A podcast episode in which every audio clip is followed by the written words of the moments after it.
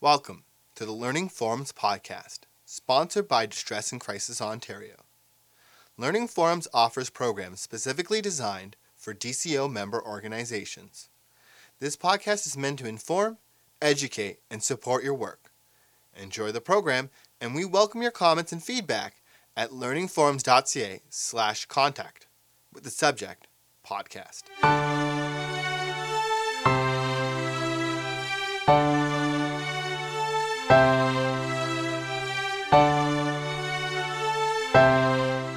Hi, I'm Dennis Long. I'm the Executive Director of Breakaway Addiction Services. We operate a methadone treatment facility in the City of Toronto, and we also operate a number of programs for youth and family and street outreach for street involved folks.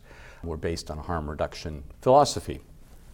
I've been asked today to come and talk to you about opiates and harm reduction. And the first part of this talk will really be about what are opiates and what is harm reduction and why do we use it. So, what are opiates? Opiates are a class of drug that are um, noted to be, are often called narcotic analgesics, which means that they are a drug that are remarkably effective at relieving pain, but they also can produce dependency. Opium poppies are the source for most of the opiates that are used today. There are a number of synthetic opiates that have been developed more recently, but Opium itself has been around for probably thousands of years. It has been used largely for religious ceremonies. It's also been used uh, in what's often called recreational ways. So, in other words, people use it to have fun. But more recently, it's been used medically as, as a way of relieving pain, and it was most commonly used just prior to the last war as a way of, of relieving pain. It has not always been illegal. As recently as Victorian times, it was perfectly legal. And I think about in 1919, the Bayer Company marketed a new drug that they had uh, conceived as a uh, cough suppressant. It was called heroin. And um, if, you know, if you're ever curious, you can go on the web and find ads that ran in the New York Times and other places. Bayer was the company that, that marketed. Heroin for, for coughs and aspirin for headaches. But rapidly, people discovered that these things cause dependency. And so laws were constructed to prohibit the use in the general public of these kinds of medications. But more recently, it's been made illegal, and for good reason. Why? Because opium has probably one of the most difficult withdrawal syndromes of any uh, medication or drug that we know. If you begin to take opium or an opioid drug, which includes, and I'll get to the list of what it includes in a minute, um, you, your body will rapidly develop a tolerance to the substance. It takes you a while. It, it, it, doesn't happen. And if everybody, anybody's laboring under the illusion that if I go out and take some heroin, that I will be hopelessly addicted the next day, that is not true. It takes you a while to get into that. But if you've been using for a period of weeks or months, you will develop a tolerance and that will grow as time goes on. And then if you decide to stop, you will get phenomenally sick.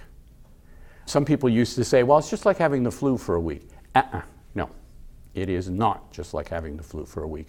You are really, really, really sick. Spiking temperatures, sweats, nausea, vomiting, diarrhea, all of that at once. Um, agitation, paranoia, way worse than like the worst flu you've ever had. And it lasts for a week. The problem for folks is withdrawal will go away instantly if you reapply a narcotic drug. So, hence the problem with getting it off. So, you're lying there, you're feeling miserable, you're trooping back and forth to the toilet, and somebody comes in and says, Hey, I got some, and give me that, and you're okay, I'm ready to go. Like that. Anyone who develops a dependency on this substance will need to take the substance a number of times per day, every day. If you don't, then withdrawal will begin, and most users will refer to that as being drug sick. And that means beginning to feel the symptoms of withdrawal. The longer you use an opiate drug, the less likely you are to experience the euphoric high that is associated with the drug. So, in other words, what people are often doing when they're using heroin uh, chronically over a matter of years, many people that we see have been using between two and 20 years on a daily basis.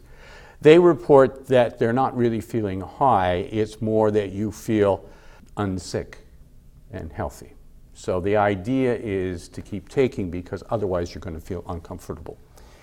It's a, it's a loose analogy, but it would be very similar to people who smoke, who will often say, I have to go have a cigarette, now I'm feeling it.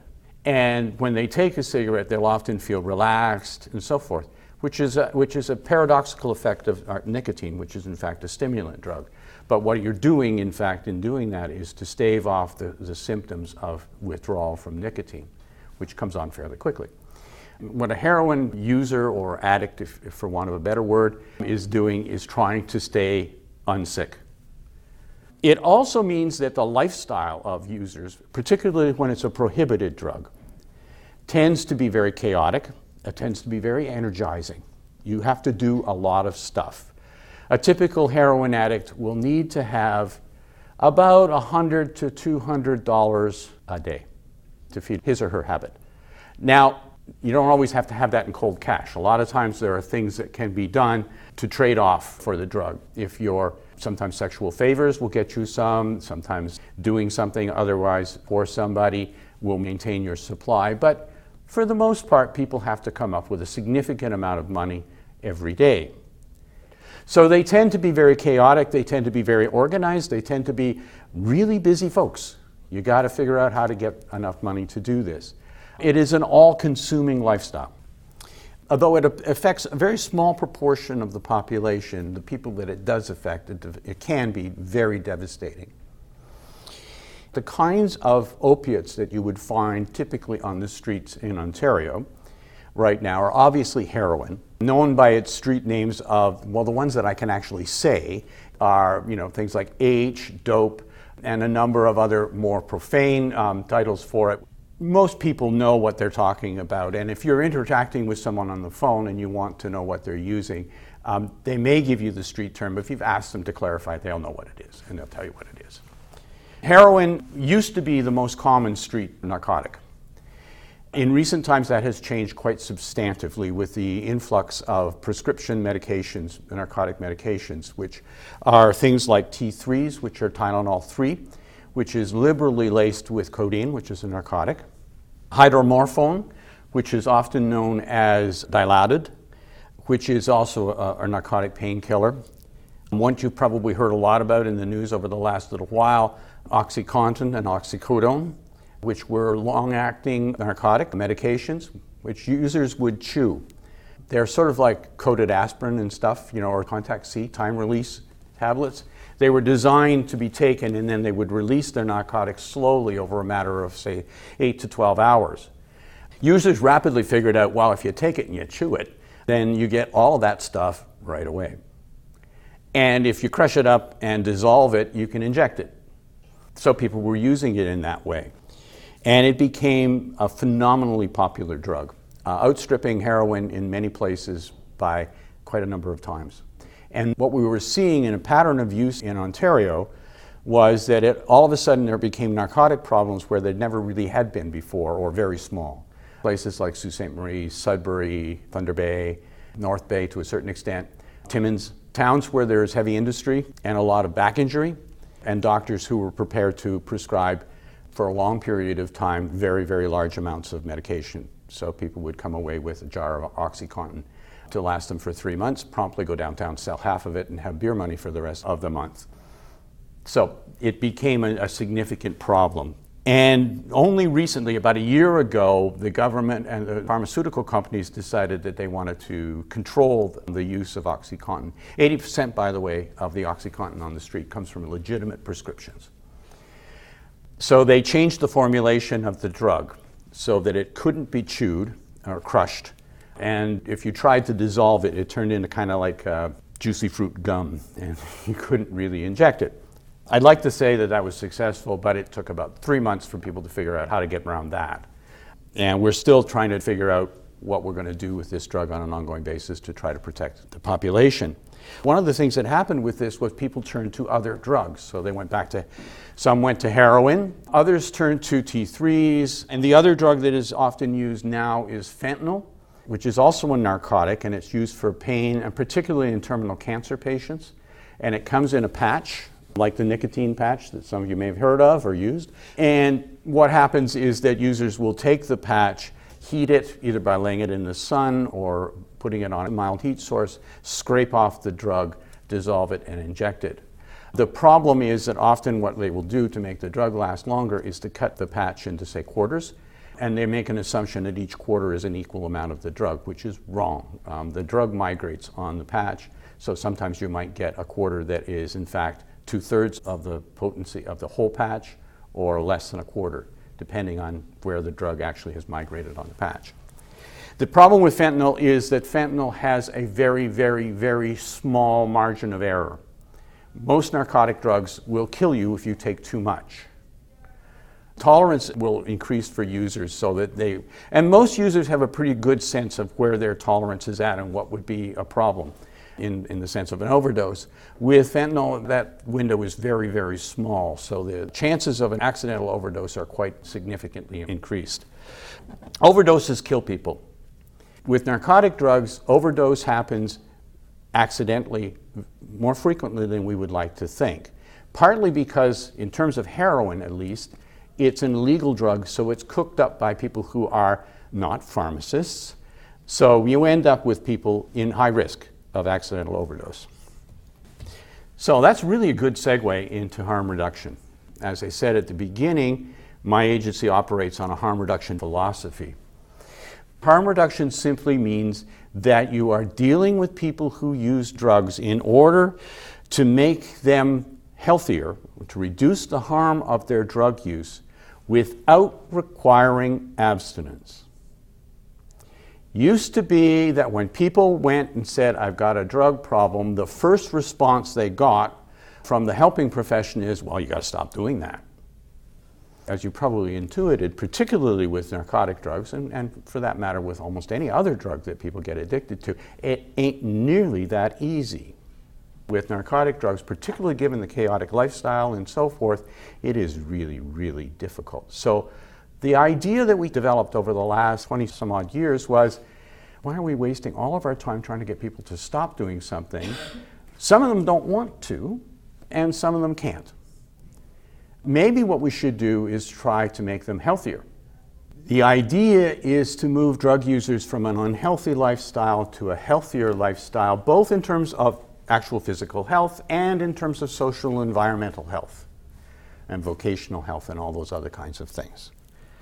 There's a number of initiatives. Street outreach, putting people on the street to go talk to people who are on the street living the life and actively using. Providing safer use supplies, that means providing clean needles. Needles are, as you probably know, a, a major vector for disease spreading, for spreading things like AIDS and um, hepatitis C. There's a lot of issues around stigma.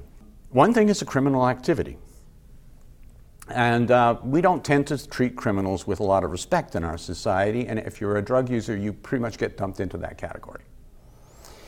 You can't be discriminating on the basis of skin color or culture or even sexual orientation anymore, but you sure as hell can be discriminating on the basis of drug use. And it's perfectly okay in most cases for people to do that, or it's accepted as being okay. So people really struggle with that. You got guys working in construction, you've got lawyers, and you've got people who look like street people, but you've got everything in between. And drug users are just like everybody else, they just use drugs. Opiate replacement therapy is probably right now the one effective treatment for opiate addiction. It ain't quick.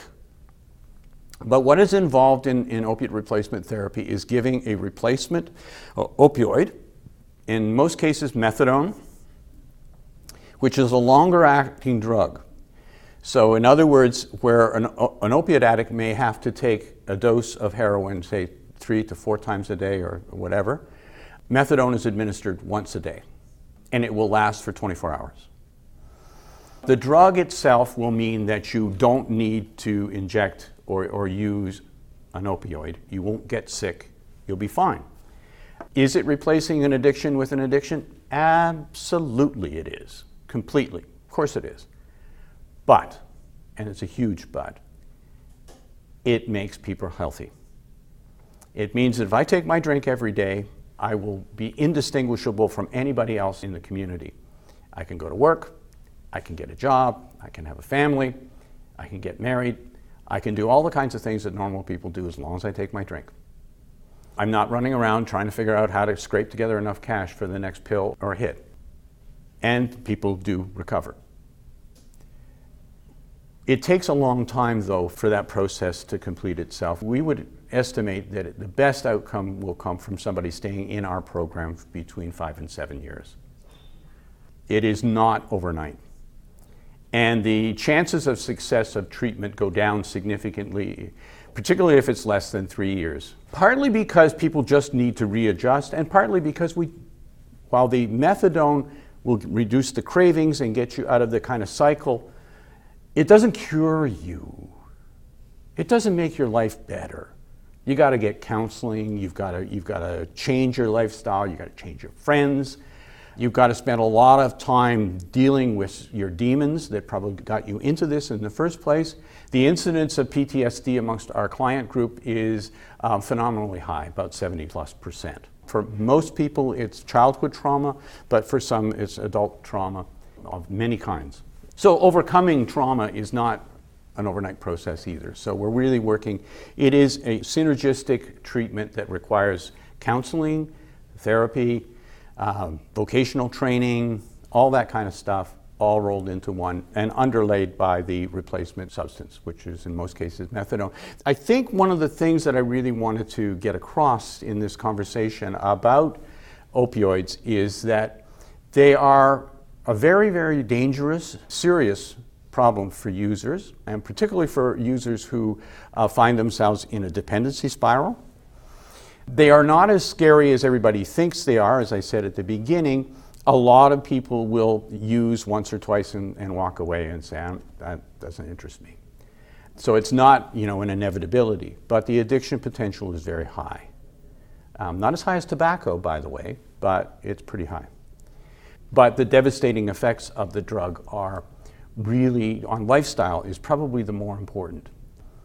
And I've said this before, and I will say it here because I think it's really important to get your head around the fact is that as a drug, opiates, as long as you get the appropriate dose in the proper and, and clean, appropriate dosage, is a relatively safe drug to use. Unlike our other popular drug, or one of the other popular drugs, alcohol, opiates affect only receptor sites in the brain, specific receptor sites in the brain the uh, symptoms that you would get from using opioids that are were more distressing than um, dangerous constipation, dryness of mucous membranes. That's about it. Other than that, not much. If you drink a lot, all of your organs are going to fail eventually. Um, your liver is going to give up, your kidneys are not going to have a good time of it, your brain will get kind of soaked and make you stupid. Think about it. That doesn't mean we shouldn't be concerned about the use of opioids. So that's opioids and the harm reduction approach in a nutshell. Thank you very much for the opportunity to talk to you, and I look forward to our next session when we can talk a little bit more practically about how to deal with people on the phone.